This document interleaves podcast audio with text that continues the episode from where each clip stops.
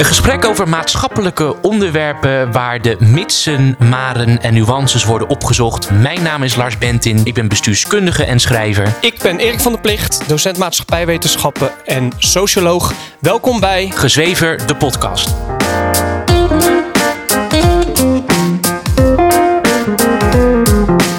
En dat, dat, dat vind ik, daar ben ik, daar ben ik ook vooral klaar mee.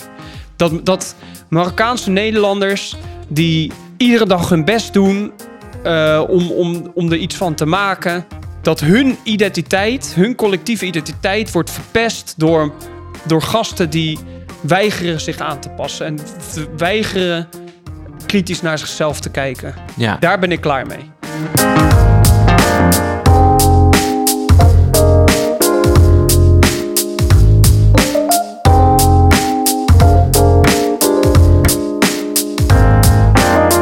Goedendag, dames en heren, bij een nieuwe aflevering van Gezweverde Podcast. Goedemiddag. Goedemorgen, inderdaad. Oh, goeie, goedemorgen, sorry. De titel van deze aflevering is... Marokkaanse relschoppers, ga dan terug naar je eigen land. Ja, En naar aanleiding van de rellen na de gewonnen wo- voetbalwedstrijd door het Marokkaans nationaal elftal Ja. op het WK tegen België. Was weer gezellig in Rotterdam. Het was weer eh, gezellig in onder andere Rotterdam, Amsterdam, Den Haag.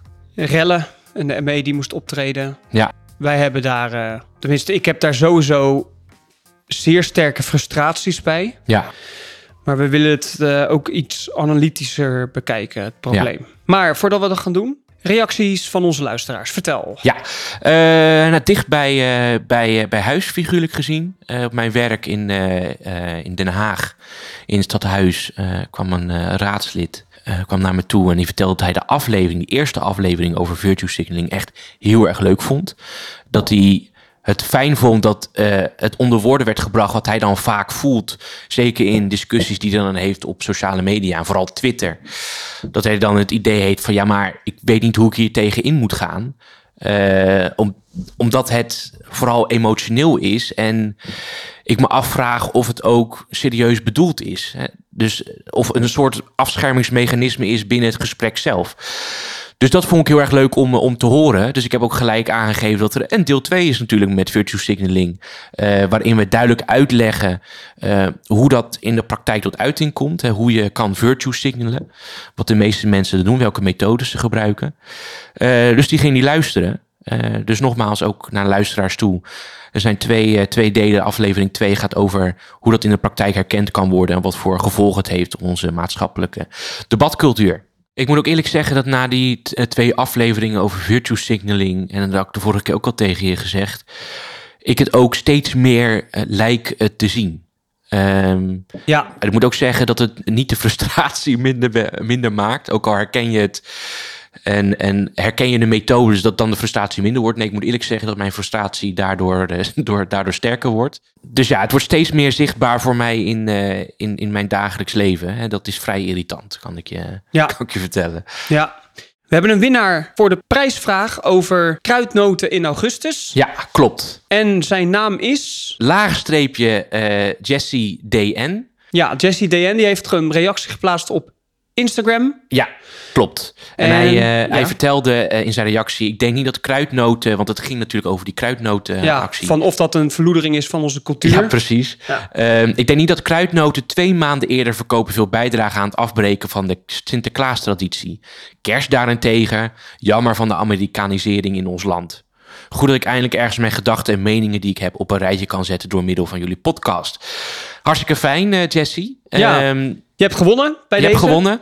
Eh, ik zal via de, de, de, de- wat ze dan noemen de DM, eh, de persoonlijke berichtgeving in Instagram, zou ik vragen wat je adres is en kunnen we jou het, Het cadeau toesturen. het cadeau toesturen. Hopelijk het liefst nog voor Sinterklaas. Ja, precies, ja. Dat zou voor 5 december, dat zou leuk zijn. Ja. Oké, dus. Dan hebben we ook nog een nieuwe actie, maar die introduceren aan het eind van deze aflevering. Dus blijf luisteren. Dan weet je wat je zou kunnen winnen met de nieuwe actie. Oké, nou, dus het onderwerp van vandaag. Marokkaanse railschoppers. Waarom ga je niet terug naar je eigen land? Ja, mooie titel. Ja, waarom? Vertel. Omdat het heel goed het probleem laat zien uh, wat er deze week gebeurd is uh, met die rellen na de winst van, uh, van Marokko. omdat zij zo fanatiek juichen voor die winst. Ehm, terwijl zij in Nederland wonen. Het zijn gewoon Nederlanders. die Marokkaanse jongeren, hoe ze dan vaak genoemd worden, zijn eigenlijk gewoon Nederlanders die hier geboren zijn. Maar die zich heel erg sterk identificeren met Marokko. Een totaal ander land. Dus dan die vraagstrekking, ga, uh, gaan eens terug naar je eigen land. Wijst eigenlijk op het feit dat ze dus eigenlijk ironisch genoeg in Nederland wonen en Nederlanders zijn. Maar uh, zich heel erg sterk Marokkaans voelen. Uh, zeker na dit soort wedstrijden. En dat, en dat, voelt, dat voelt heel erg wrang. En zorgt voor heel veel frustratie en irritatie. Ja, ja mijn, überhaupt al voor de wedstrijd begon, dacht ik van laat ze alsjeblieft verliezen. Want dan is de kans kleiner dat er uh, groepen Marokkaanse jongeren, vooral jongeren, Marokkaans-Nederlandse jongeren moet je eigenlijk zeggen, de straat op gaan. Ja. Maar wat ik vooral, waar ik me vooral heel erg, en dat merkte ik na die rellen, want waarom ik me zo gefrustreerd voelde, is dat ik echt dacht van ja hoor, het is, het is weer zover. Ja. En ik denk dat heel veel mensen in Nederland dat gevoel hebben van dit had je kunnen verwachten. Het zijn weer die Marokkaanse jongens. Ja die, uh, die dit gedrag vertonen. Ja. En wat ik merkte is dat ik vooral de dag erna de hele Marokkaanse gemeenschap, de Marokkaans-Nederlandse gemeenschap, als uh, dat ik daar een hekel aan had. Dat ik echt gefrustreerd voelde. Dat ik echt die gemeenschap als verantwoordelijk zie voor wat hier gebeurt. Ja, ik denk dat je niet de enige zou zijn. Nee. Ik herken dat gevoel ook heel erg. Ja, en dat is natuurlijk, dat is natuurlijk niet de bedoeling. Want het is niet de hele gemeenschap. Nee. En daar werd ik weer mee geconfronteerd toen onder andere op LinkedIn, hè, dat is nog een enige, enige sociale media kanaal dat ik heb, maar dat ik daar geconfronteerd word met heel veel Marokkaanse Nederlanders. Bijvoorbeeld een directe collega van mij, een van mijn meest geliefde collega's op mijn werk, die ik uh, echt heel erg waardeer. Ja. Dat ik denk van, oh, maar hij is ook een Marokkaanse Nederlander. Ja. En Marokkaanse Nederlanders die, uh, die zich uitspreken tegen dit geweld op straat. En echt die, uh, echt die jongeren proberen durven aan te spreken en dergelijke. Dus het, het is niet de hele Marokkaanse gemeenschap. Dus, maar dat was wel de eerste frustratie en gedachte die ik had. Van daar gaan we weer, weer die Marokkanen. Ja. En ik denk dat heel veel mensen dat hebben. Ja, klopt. Ja. En dat is, dat is problematisch. Maar het is ergens ook wel te begrijpen, uh, denk ik. Tenminste, het is een menselijke reactie dat er zo gereageerd wordt op, op dit soort gedrag. Want het is natuurlijk, het heeft natuurlijk te maken met de collectieve identiteit die om de Marokkaanse Nederlander heen hangt. Ja. Dat is, dat is in, over het algemeen geen positieve identiteit. Nee. En die jongens, het zijn eigenlijk zijn volgens mij vrijwel alleen Ja. jongens die dit gedrag vertonen, verpesten het voor de hele gemeenschap en die verpesten die fysieke de ge- gehele Marokkaans-Nederlandse collectieve identiteit. Ja. En dat is echt een heel groot probleem. Ja, eh, er kwamen gisteren natuurlijk en eh, ja, gisteren ook vooral reacties van eh, op sociale media van mensen die eh, zeiden van oh laten we nu niet discriminerend overkomen, laten we niet oh nee, laten we niet discrimineren nu, laten we niet racistisch zijn, laten we niet eh, de Marokkaanse identiteit erbij gaan halen. Het zijn relschoppers, we zouden niet hetzelfde doen als het, als het pure Hollanders waren.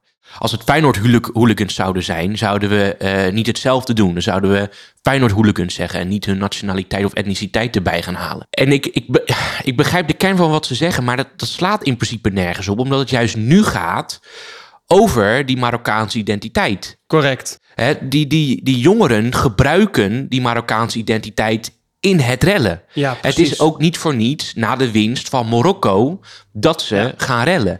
Dus Ja. niet, niet die Marokkaanse identiteit erbij gaan halen, slaat in dit geval gewoon totaal nergens op, omdat ze dat zelf doen en actief uitdragen Ja. eh, tijdens dat rellen. Ja, dus het argument wordt inderdaad gebruikt van dit gebeurt ook. Dit, we we zeggen ook niet. We halen ook niet de Nederlandse identiteit erbij als Feyenoord hooligans gaan rellen. Maar Feyenoord hooligans gebruiken niet de Nederlandse identiteit. Die gebruiken de Feyenoord identiteit. Ja, klopt. Ja. En de identiteit van Feyenoorder zijn. Of Ja. tenminste niet eens van Feyenoorder zijn, van Feyenoord hooligan zijn. Ja. En daar ge- geldt natuurlijk hetzelfde mechanisme. De Feyenoord hooligans verpesten de identiteit van de, de Feyenoord-supporter. Van de, van de persoon die naar voetbal wil gaan. Terwijl Ja. Feyenoord-supporters natuurlijk ook bestaat uit gezinnen en mensen die helemaal niets met geweld te maken hebben. En hetzelfde gebeurt hier in de Marokkaanse gemeenschap. Zij, die jongens Ja. gebruiken de Marokkaanse identiteit... of tenminste, die vertonen die Marokkaanse identiteit... en dat wordt vervolgens, vervolgens gaan ze rellen. Ja, En dat zie je ook door met Marokkaanse vlaggen te, te, te wapperen uit auto's... en te toeteren en te schreeuwen en zo ja, ze zijn op dat moment, ver- vertonen ze hun volledig, volledig, volledig hun Marokkaanse identiteit. ja, Dus om dan, wat jij dus zegt, om dan te zeggen van ja, maar waarom wordt hier nou gewezen op een etnische afkomst? Waarom noemen we ze niet gewoon railschoppers? Nou, omdat die Marokkaanse identiteit op dat moment relevant is. ja, klopt. Ja, Ja. En wat ik daar ook bij zie, is dat er wordt gezegd... ja, maar er zijn ook plekken in Nederland... waar wel gewoon normaal gefeest werd toen Marokko had gewonnen. En dat vind ik aan zich ook al een probleem. Waarom? Ik vind het een probleem dat mensen die in Nederland geboren zijn... fe- feest vieren als een totaal ander land een wedstrijd wint ja, dat ze zich dus blijkbaar meer identificeren met Marokko dan met de Maro- Marokkaanse nationaliteit dan met de Nederlandse nationaliteit. ja, Dus het feit dat er überhaupt al zo uitbundig op straat feest wordt gevierd voor een ander land, vind Ja. ik een probleem. Nou, het raakt natuurlijk ook gelijk eh, eh, de vraag, eh, ook net met ehm, dat er mensen zijn dat, die dan zeggen dat we niet moeten gaan discrimineren of een etnische afkomst erbij moeten halen. Hè, wat, wat, wat doen we met groepen jongeren die juist geïdentificeerd willen worden vanwege dat, die etnische afkomst? Hè, dat ze als Marokkaan gezien willen worden omdat ze daarvoor gaan juichen en dat zo actief uitdragen tijdens, eh, tijdens die rellen. Actiever dan ze ooit de Nederlandse Ja, ja. identiteit uitdragen. Ja, ja, klopt, ja.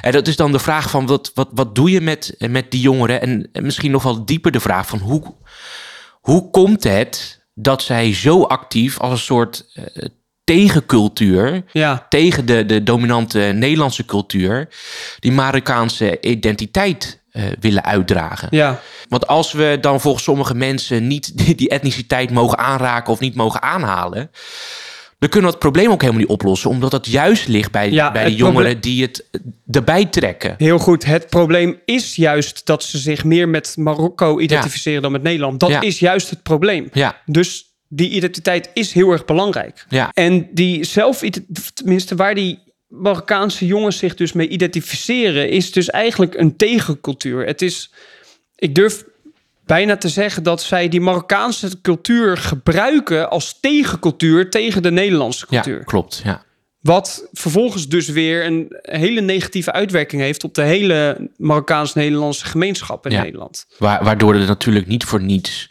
heel veel, maar ook wat je net ook al zei, heel veel Marokkaanse Nederlanders, ook op sociale media, uiten dat ze het zelf ook zat zijn. Dat ze gewoon Juist, niet dat begrijpen ja, dat dit gebeurt. En dat zie je nu dus heel erg, ehm, tenminste ik zie dat in mijn online omgeving heel erg gebeuren.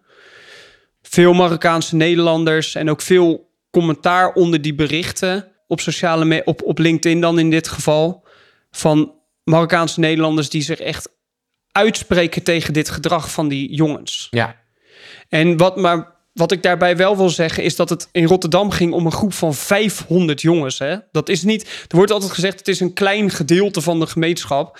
Dat vraag ik me echt af. Ja. 500 is echt veel. En, wat, en, en ook al, ik bedoel, ook al zijn het 50 of 100 jongeren, wat voor, wat voor effect zij kunnen hebben op een wijk of een straat of een stad.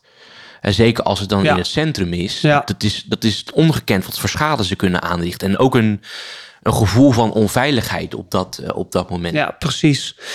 En nou ja, de vraag dus, hoe, hoe komt dat? Waarom identificeren de- deze jongens zich niet met Nederland, maar wel met Marokko? En ik wil daarbij drie vormen van identificatie aanhalen, drie soorten, die de Wetenschappelijke Raad voor Regeringsbeleid, de WRR, heeft geïntroduceerd in het rapport Identificatie met Nederland uit 2007. Drie vormen van identificatie emotionele identificatie, functionele identificatie en normatieve identificatie.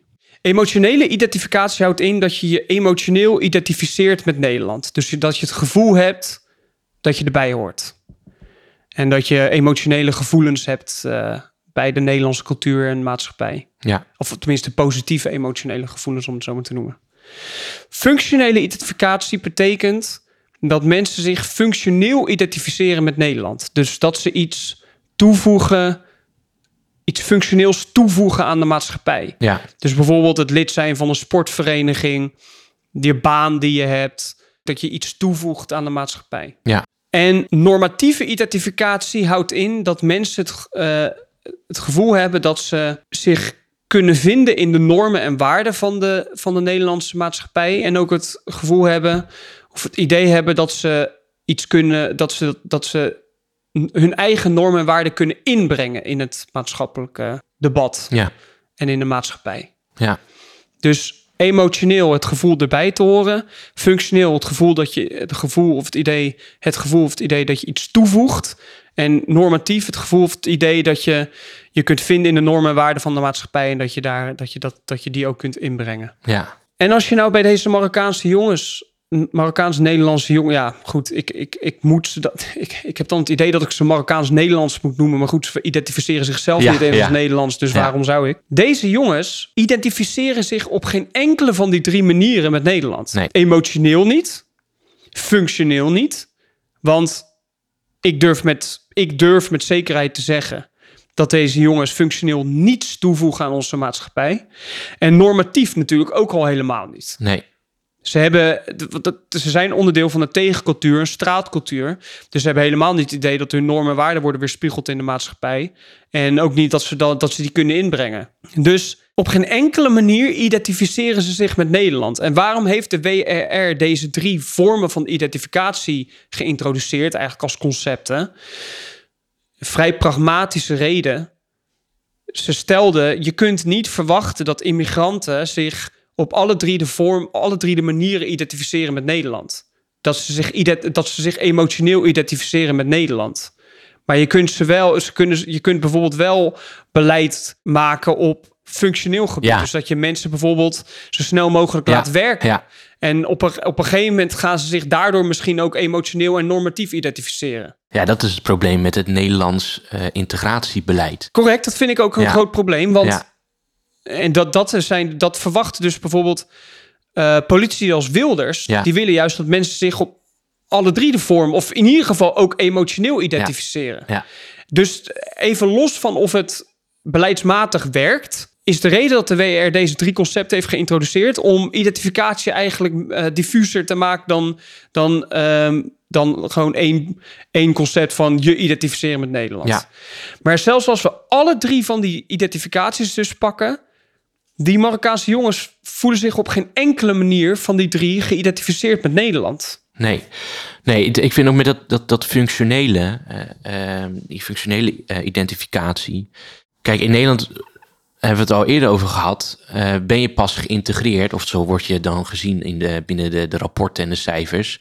Als je een baan hebt en niet, en, en niet in aanraking bent gekomen met, met de politie. Nou, dan ben Ja, je geïntegreerd. Ja, en dat, dat, dat, dat, dat is een goed voorbeeld van functionele identificatie. Ja, terwijl je emotioneel inderdaad, en eigenlijk ook qua je hele identiteit verder, eh, een totaal andere identiteit kan aannemen als je gewoon een baan hebt en normaal functioneert in een samenleving. Dat is natuurlijk geen eh, integratie. En wat, wat mij hiervan van raakt is. Nee, wanneer je eigenlijk geïnter- echt geïntegreerd bent. Ja. Wanneer je al, even los van de definitie die eh, de, de, de overheid dan Ja, gebruikt. ja. Wanneer je echt ge- geïntegreerd bent, is als je natuurlijk emotioneel, functioneel en normatief Ja. identificeert met Ja, Nederland. ja, ja, klopt. Ja, ik, had- ik had laatst een, een, een discussie eh, eh, met iemand die, die werkt bij de VN bij, voor, met betrekking tot vluchtelingenbeleid. ja. Dat wist ik daarna pas. Ik had een hele intense discussie met hem. Later hoorde ik pas dat hij bij Ja. de VN werkte. En hij schrok heel erg ervan toen ik zei dat we dat ik eigenlijk vind dat we een beleid van assimilatie nodig hebben in Nederland. En dat betekent niet in de praktijk dat iemand volledig geassimileerd is en die drie aspecten van identificatie volledig heeft overgenomen. Maar ik vind dat je in, in een land wel moet streven eh, naar die emotionele identificatie en ook naar die normatieve identificatie. Omdat je dan veel minder van dit soort culturele uitingen krijgt. Precies. Dat, dat mensen zich emotioneel en ook normatief, nou ja, zij dan ook functioneel niet, maar die andere twee dus zich ook kun- kunnen identificeren met Nederland. En dat je niet dit soort excessen krijgt. Ja, precies. Want wat je, wat je ziet gebeuren is dat deze Marokkaanse jongens zich identif- emotioneel identificeren met Marokko. Ja, Maar voor zover ik dat begrijp, kijk, ik kan me niet inleven in hen. Voor zover, maar ik heb daar wel eens verhalen over gehoord en gelezen.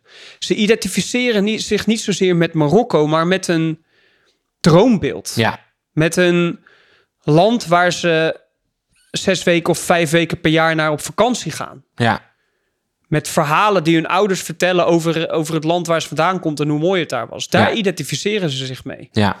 Ja, en Emotioneel. Dus niet zozeer met Marokko, met, met echt Marokko. Want dan, dan zouden ze daar gewoon naartoe gaan en dan zouden ze daar een fantastisch leven hebben. ja. Maar dat doen ze niet. Ja, en, en dit is, en, en dit is, wat ik dan wel zou willen noemen, eigenlijk de pijn van, van biculturele jongeren. Ja, Ik heb een aantal eh, Marokkaans-Nederlandse vrienden.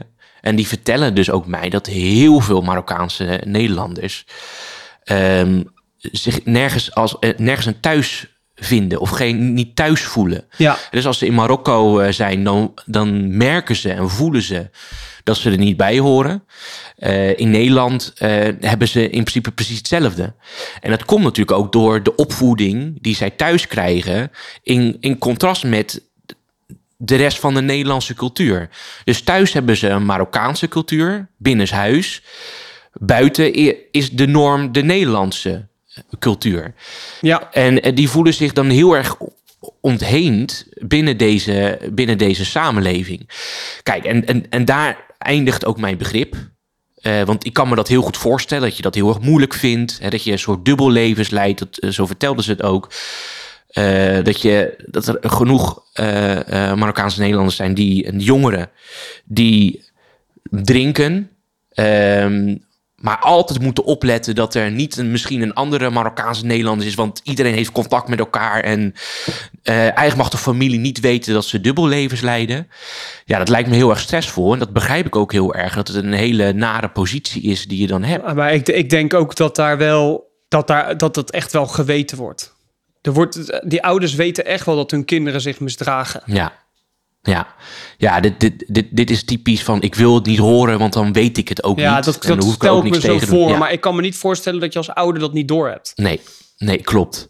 Ehm, maar mijn begrip eindigt daar, omdat ik daarna denk van ja, maar wat, wat doe je er dan mee? Ja, ja, ja, ja precies. En dat, dat, dat sluit ook aan op het zelfregulerend vermogen van, die, van de Marokkaans-Nederlandse gemeenschap. Ja. Hè? Wat kan je er überhaupt mee? Kijk, ik zeg in het onderwijs, als ik in het onderwijs met straatcultuur te maken krijg. En deze Marokkaanse jongens die gaan rellen, dat, dat is straatcultuur. Dat is Marokkaanse straat. Of ja, ja, ik weet niet of het Marokkaanse straatcultuur is, maar het is in ieder geval straatcultuur. Als die jongens samen zijn, zijn ze oneindig stoer. Ja, En kun je er eigenlijk, je kan er eigenlijk bijna niks mee. ja, Eh, en de socioloog Ilyes El Hadoui is een socioloog aan de Erasmus Universiteit. En hij doet onderzoek naar straatcultuur. Heel erg interessant. En ik heb eens een TED-talk van hem gezien. En daar heeft hij het over twee ladders. De maatschappelijke ladder en de straatcultuurladder. En wat je ziet gebeuren is dat jongeren die het niet kunnen halen op de, op de maatschappelijke ladder. Dus niet kunnen stijgen op de maatschappelijke ladder omdat ze eigenlijk falen. Onderaan de maatschappelijke ladder hangen. Want dat is deze jongens, die, deze jongens, die, die, die railschoppers, dat zijn jongens die echt helemaal onderaan de maatschappelijke ladder hangen. ja, Daar heeft niemand, eigenlijk niemand heeft aanzien voor ze. Ze hebben bij niemand aanzien, Ja. excuus.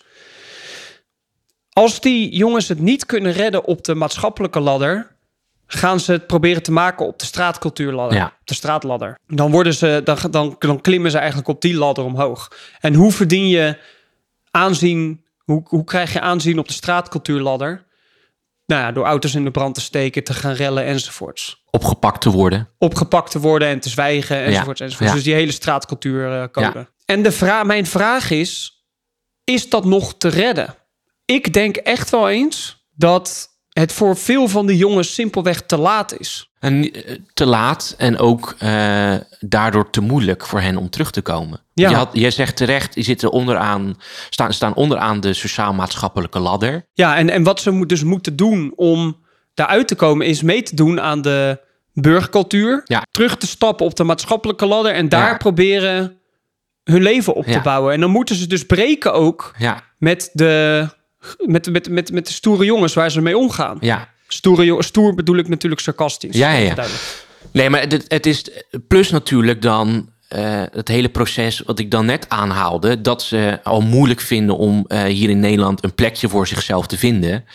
Eh, en of dat terecht is of onterecht, dat laat ik in dat opzicht helemaal in het midden, omdat ik dat niet zo heel belangrijk vind. Omdat ik wel heel goed begrijp, wat ik net al zei, dat zij voelen alsof ze tussen twee werelden zitten. Ja, Maar het is voor hen als gevoel ook vaak te lastig om dan die sociaal-maatschappelijke ladder op te gaan. En, en waarom zeg ik te lastig? Omdat het alternatief veel makkelijker is. correct. Het alternatief, eh, het, het, pad, het andere pad wat je kan nemen, is inderdaad op de korte termijn heel makkelijk eh, te behalen. Ik bedoel, het, is, het is niet heel moeilijk, eh, om maar zo te zeggen, om de straat op te gaan en een ruit in te slaan. In plaats van continu energie steken in de sociaal-maatschappelijke ladder eh, Ja, beklimmen. precies. Dus ik vraag me af wie dit probleem moet oplossen en hoe. En, en ik, ik vraag me ook af of de Marokkaanse gemeenschap dit moet oplossen. Of dat we dit als maatschappij moeten oplossen. Ik denk dat je als maatschappij hele duidelijke normen eh, moet stellen en die ook actief moet handhaven. Ja, Dus als je bijvoorbeeld komt met, eh, en, daar werd ik eigenlijk vrij boos eh, om, dat was een aantal jaar geleden, dat iemand van GroenLinks zei, je moet ze stages aanbieden. ja, Ja, ik bedoel, dan ga je dus weer zitten op die sociaal-maatschappelijke ladder. Ja. Maar Ja. goed, dat is dan weer een totaal andere wereld waar ze in zitten. Dat, Ja. dat heeft niet zo heel veel zin. Eh, dus duidelijk normeren en die normen handhaven. Dus, dus, dus als politici en bestuurders duidelijk zijn dat dit soort dingen gewoon niet kunnen. ja, En daarin vind ik eh, Farid Azarkan een, een heel mooi voorbeeld van. Want hij heeft een rol als, eh, als politicus. Dus hij staat op de sociaal-maatschappelijke ladder heel erg hoog.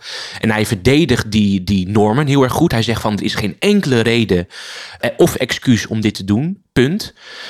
Dus als Nederlandse politiek en als Nederlands, eh, Nederlands bestuur moet je, die moet je normeren en die normen handhaven. En aan de andere kant denk ik dat de, de Marokkaans-Nederlandse eh, eh, de Marokkaans-Nederlandse gemeenschap.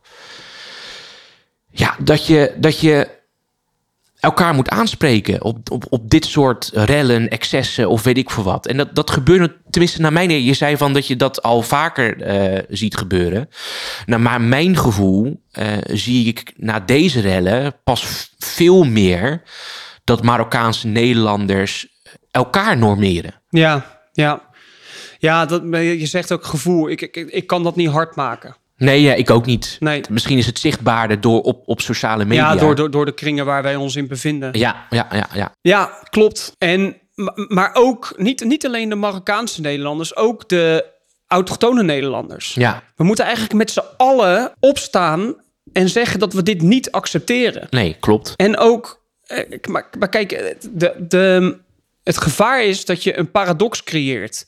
Dat je daardoor juist, eh, door zo op te staan te zeggen: dit accepteren we niet en het hard aan te pakken, die jongens die zich misdragen weer verder van de maatschappij wegduwt. Dat de jongens zich daardoor dus weer juist nog minder gaan identificeren met Nederland. Ja, Maar het moet misschien ook maar eens duidelijk worden dat zij zelf verantwoordelijk zijn ja, voor ja. hoe anderen naar ze kijken. Want zo werkt collectieve identiteit. Collectieve identiteit, dat is de identiteit die om een groep heen hangt. Hoe een groep wordt geïdentificeerd door anderen. Jij bent als individu verantwoordelijk hoe anderen jou zien. ja. Dat, dat, dat is in onze, in onze cultuur. ehm, willen we vaak denken dat, ehm, dat dat niet zo is.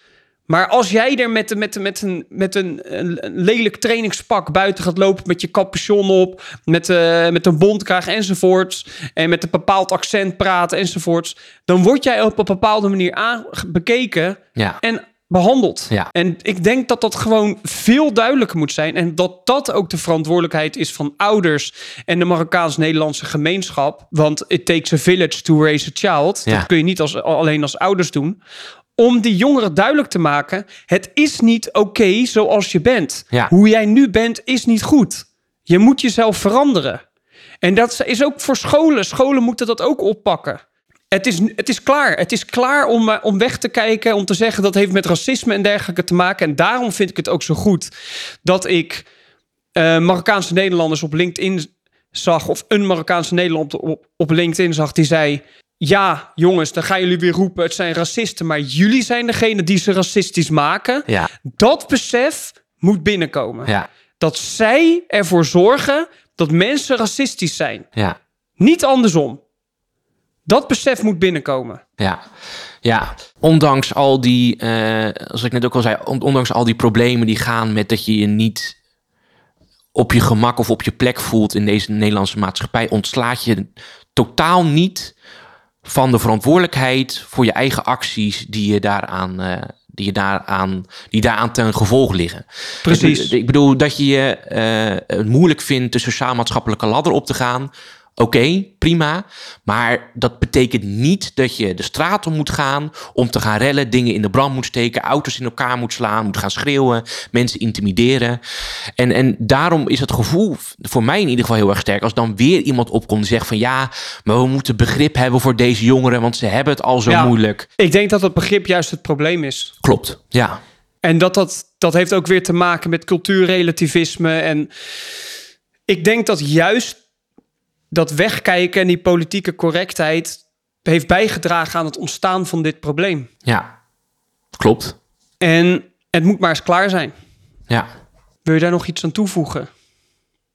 Nee, dat voelde voor mij eigenlijk wel eens een heel mooi, eh, mooi rond einde toen jij zei: het moet maar eens klaar zijn. Ja, ja.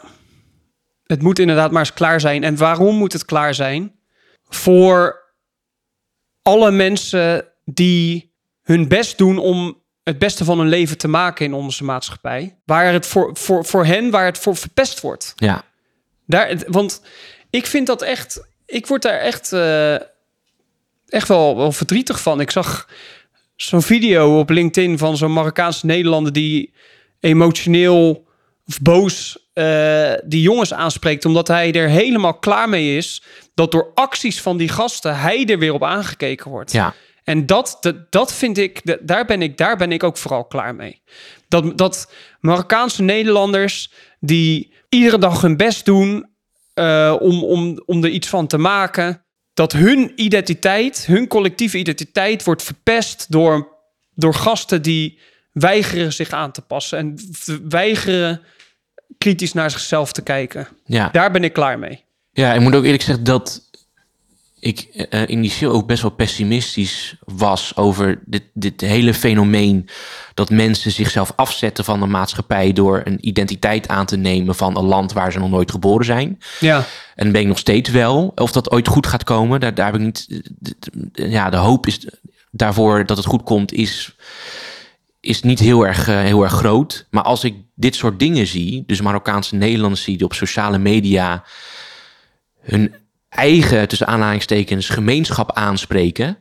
Op zo'n felle en, en, en, en directe manier. ja, Denk ik dat daar ook uiteindelijk de oplossing komt. ja, Want mensen in die gemeenschap zijn het ook steeds meer zat. Dat die jongeren het, Ja. het gaan verpesten. ja, precies. En die zijn het ook zat om elke keer misschien toch weer dat begrip te tonen van ja, maar ze hebben het moeilijk. En oh, het is zo moeilijk om als Marokkaanse Nederlander eh, in Nederland te wonen. Als je nog een gevoel hebt voor Marokko. Of Ja, dat bij hen ook de grens eh, is bereikt. En uiteindelijk moeten we het daarvan hebben. Van Ja. niet alleen inderdaad die autochtone Nederlanders die eh, die grens aangeven, maar vooral die Marokkaanse Nederlanders die zelf ook gaan normeren ja, en elkaar erop aanspreken. Zeker, ben ik het mee eens. En ehm, ik denk dat we het daarvoor vandaag eh, over dit onderwerp ook maar maar bij moeten laten. Ja, misschien is het goed om eh, te eindigen met een positieve, positieve noot. Ja, die positieve noot is de prijsvraag. De prijsvraag. Eh, of tenminste de actie. De, de Het is- actie. Het is, ja, niet echt een actie. vraag, Nee, maar actie, vertel, wat is de actie? Ja, nou, ehm, we hebben bijna 2000, eh, 2000 streams. Yes. Eh, ik moet eerlijk zeggen, ik had niet verwacht, verwacht dat het zo snel al, eh, al zou komen. Ehm, en we hebben iets heel erg leuks bedacht als Ja. actie. ja, Eh, de luisteraars, eh, we zullen het ook nog apart op sociale media plaatsen, maar de luisteraars die ons een bericht sturen. of het nou een privébericht is op sociale media of onder de, onder de posts. Ja, willen we vragen of zij een onderwerp willen aandragen. En het is ook een invalshoek. Hè, waarom draag je het onderwerp aan? eh, om te kunnen bespreken in de podcast. in de podcast. Ja, En eh, van al die inzendingen zullen we er eentje uitkiezen via loting. Dat zullen we ook filmen. ja, En die persoon die het onderwerp heeft aangedragen, zullen Ja. we ook vragen om langs te komen, zodat we samen een aflevering kunnen opnemen. opnemen. Ja, precies. Dus jij plaatst op sociale media, als deze aflevering is eh geüpload, zullen die berichten al geplaatst zijn. Dus jij Ja. plaatst op de sociale media een bericht daarover. Daar kunnen mensen onder reageren of een eh, direct bericht sturen. Of mailen naar info.gezwevendepodcast.nl. Ja, klopt. Daar hebben mensen een week de tijd voor. Ja. Dus dat doen we voor, zodra deze aflevering geüpload is, een week later. Ja. Hebben ze daar de tijd voor. En dan gaan we er eentje uit loten. En dan mag Ja. die persoon langskomen om met ons de aflevering over dat onderwerp op te nemen. Ja, hartstikke Ja. leuk. Oké, daar heb ik heel erg veel zin in. Ik ook. Dankjewel weer voor je komst. Sinds gelijk. En eh, luisteraars, tot volgende week. Tot volgende week.